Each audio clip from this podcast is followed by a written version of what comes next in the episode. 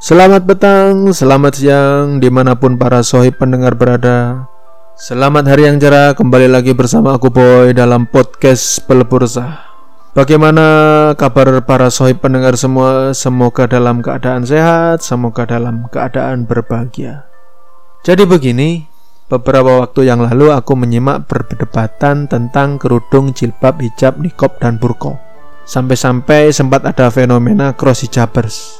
Dan kali ini aku tidak akan membahas dari sisi sudut pandang Quran hadis. Biarlah para ahli kitab, ahli tafsir yang menafsirkannya. Jilbab dan hijab itu kan milik Islam. Hah, apakah busana atau pakaian itu beragama? Memang sering kali pakaian menjadi simbol agama tertentu. ya makanya jangan cuma dengerin ceramah para kadal gurun dong. Jadinya kan selalu kebawa emosi kepanasan. Oke, kita bahas dari sisi tren budaya dan busana. Sebelumnya mari kita bicara tentang apa sih kerudung itu dan eng ing eng aku nggak nemu definisi yang memuaskan ini tentang bagaimana perbedaan kerudung, hijab, jilbab dan nikob burkoh saya pasrahkan kepada para pendengar semua agar mencarinya di search engine kesayangan Anda seperti Mbah Google, Mbah Yahoo atau mbah-mbah yang lainnya yang Anda percaya dan cari yang ada gambarnya. Di situ akan jelas perbedaannya. Hanya saja lima hal itu memiliki satu kesamaan yaitu hampir pasti terbuat dari kain lebar. Ya, kain yang lebar. Lalu bagaimana dengan surban? Beda jilbab dengan surban itu apa? Karena surban pun terbuat dari kain yang lebar. Sedangkan motif pada kain surban dan jilbab itu tergantung dari kebudaya masing-masing, tergantung dari selera masing-masing. Cara pakainya pun tergantung dari pemahaman agama dan budaya. Lalu jika diambil dari definisi sederhana bahwa di antara kain surban dan kain jilbab pada dasarnya adalah kain yang menutupi kepala di mana pada nikob dan burkoh tidak hanya kepala yang ditutupi tapi hampir keseluruhan tubuh wanita. Di zaman dahulu kala yang namanya penutup kepala itu hampir pasti dan selalu berkaitan dengan identitas seseorang atau simbol dari suatu kaum tertentu. Tapi seiring dengan kemajuan zaman, pakaian itu belum tentu menunjukkan suatu golongan tertentu. Misal, jika ada seorang lelaki yang memakai topi bulat lebar, bukan berarti dia itu pendekar kungfu atau dia itu koboi dari Amerika dan bukan berarti juga dia itu rahib Yahudi dong. Dan jika ada wanita yang memakai kain penutup kepala bukan berarti dia ini biarawati Katolik, bukan berarti dia itu ustazah. Bisa jadi wanita itu sedang memakai baju India jenis Rajasthani. Malah sekarang ini ada hantu falak yang pakai jilbab. Pernah nonton filmnya Denan nggak yang tahun 2019 itu? Nah, itu nggak di demo ya sama si kadal-kadal gurun kurang kerjaan dengan dalih penistaan agama. Masalahnya yang pakai jilbab kan nggak pasti Islam. Kenyataannya pun umat Katolik ada yang pakai jilbab. Itu biarawati Katoliknya. Dan jika ada cowok yang pakai kerudung, apakah dia banci karena menyerupai wanita? Yang enggak dong. Coba lihat raja-raja Timur Tengah dan para ulama-ulama yang alim itu. Kan banyak yang pakai surban dengan cara dikerudungkan. Bedanya pada detail pemakaian dan sikapnya. Agama Sikh pun punya turban yang mirip surban, mirip udeng. Orang India juga punya surban. Di Sumatera, Jawa, Bali pun ada penutup kepala dari kain yang biasanya disebut udeng atau belangkon. Misalkan pada belangkon nih, motif corak warna dan modelnya menunjukkan profesi atau kedudukan sosial seseorang. Tapi zaman sekarang ini belum tentu juga, kecuali bagi mereka anggota Keraton Solo dan Jogja. Sekali lagi, ini menunjukkan bahwa penutup kepala sebagai identitas tertentu. Oke, lalu bagaimana dengan kerudung, jilbab, hijab, nikob, dan burkoh? Apalagi ada fenomena hijrah di kalangan selebritis.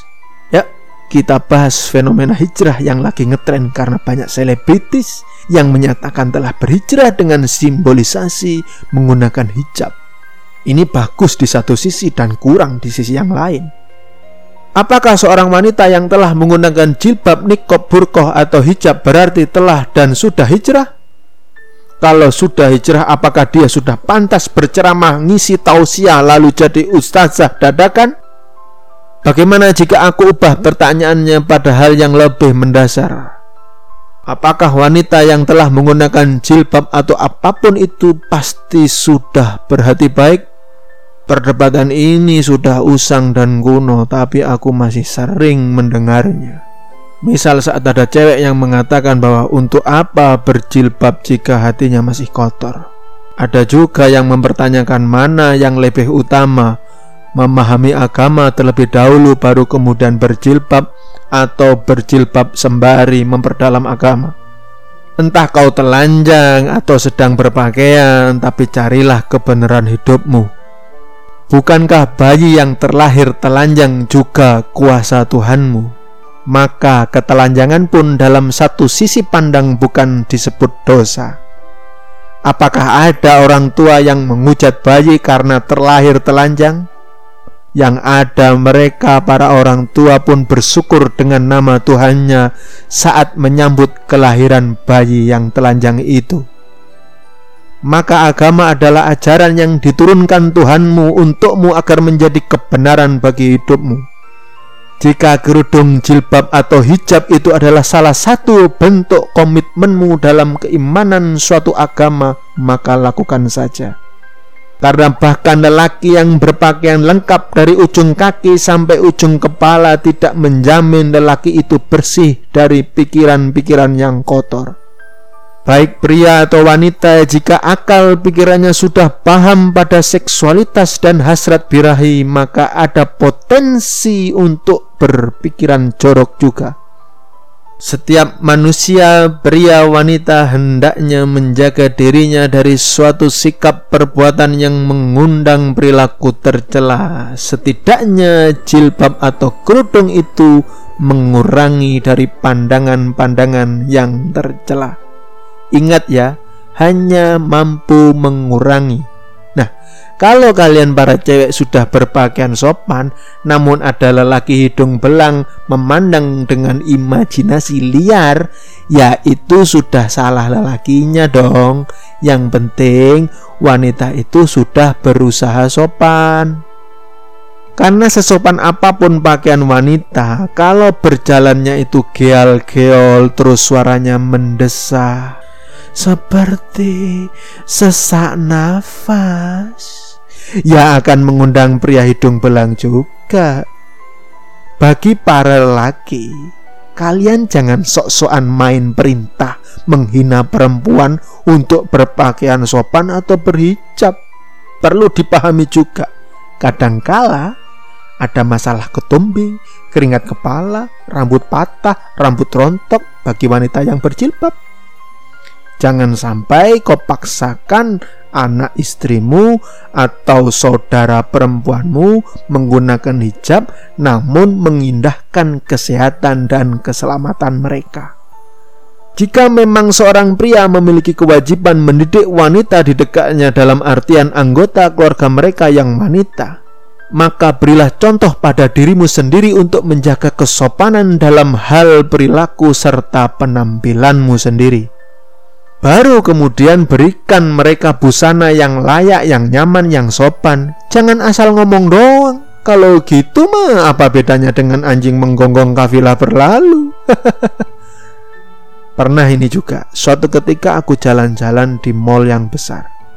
Aku bertemu dengan seorang wanita yang menggunakan burkoh dengan membawa tiga orang anak disertai suaminya. Nah, anehnya ini, kenapa sang suami hanya menggunakan kaos pendek dan celana pendek yang cekak? Hmm, apalagi sang suami juga terlihat belum mandi, terlihat kucel dan kusam.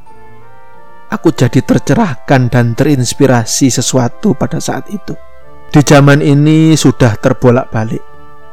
Jika di negara ini ada wanita memakai burkoh, sedangkan suaminya berpakaian sembrono, maka di negara-negara barat sana ada acara karpet merah di mana para pria menggunakan jas atau taksido warna hitam atau gelap Sedangkan para wanitanya menggunakan gaun penuh warna yang berbelahan dada atau belahan punggungnya itu terbuka lebar sampai ke bawah. Bahkan juga kadang belahan roknya itu dari betis sampai paha. Hmm, jujur saja ini. Sebagai lelaki aku jadinya kan kurang fokus melihat busananya atau isi busananya. Hmm, makin aneh dan sulit juga jadi pria.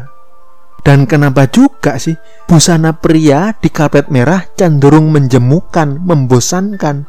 Dan yang jadi sasaran kamera paparazzi itu adalah wanitanya. Sampai kontes busana terbaik pun hanya tamu wanita. Mungkinkah ini yang menginspirasi kontes putri kecantikan? Entahlah. Kenapa juga di zaman modern ini antara pria wanita tidak berpakaian sama-sama sopan? Jika perempuan selalu dituntut menjaga kehormatan dengan pakaiannya, kenapa para pria tidak mulai menuntut dirinya sendiri untuk menjaga kehormatannya? Yang jelas apa pun agamamu, Tuhanmu memerintah dirimu menjaga kehormatan moral manusia, baik itu dalam penampilan maupun perilaku. Suatu ketika ada lima sahabat bijaksana yang sedang berkelana dan tibalah mereka di sebuah desa yang sunyi. Di tengah jalan mereka melihat seorang gadis yang nyaris telanjang. Sontak saja berhenti. Sahabat yang pertama terdiam menundukkan pandangannya, sementara sahabat lainnya menghampiri gadis itu. Sahabat kedua memberikan kain dan menyarungkan pada sang gadis. Sahabat ketiga menyelimutkan kain hangat pada tubuh sang gadis. Sahabat keempat mengkerudungkan kain pada kepala sang gadis. Sahabat kelima memberikan bekal dan makanan pada sang gadis. Jika para pendengar mengalami hal serupa, bagaimana sikapmu? Apakah meniru sikap salah satu dari lima sahabat itu, ataukah ada tindakan lain? Mana yang terbaik dari sikap lima sahabat itu? jawablah di hatimu tanpa menghakimi. Jangan lupa, busana atau pakaian adalah simbol penampilan terluar. Kesan pertama selalu ditunjukkan melalui tampilan luar. Jika engkau mempunyai anak yang kau sayangi, apakah engkau akan memberinya pakaian yang jelek atau yang bagus? Nah, jika Tuhan memang menyayangimu, sedang Tuhanmu telah memberi banyak padamu, Masihkah engkau menghina Tuhanmu sendiri dengan engkau berpakaian tak pantas di dunia ini? Aku tidak sedang menghakimi mereka. Aku lebih memilih untuk menyayangi. Jika ingin mengajak kebaikan, ajaklah pula dengan cara yang baik, dengan kelembutan yang menenangkan hati, karena kesadaran murni datangnya dari hati. Semoga bermanfaat. Sampai jumpa lagi. Bye bye.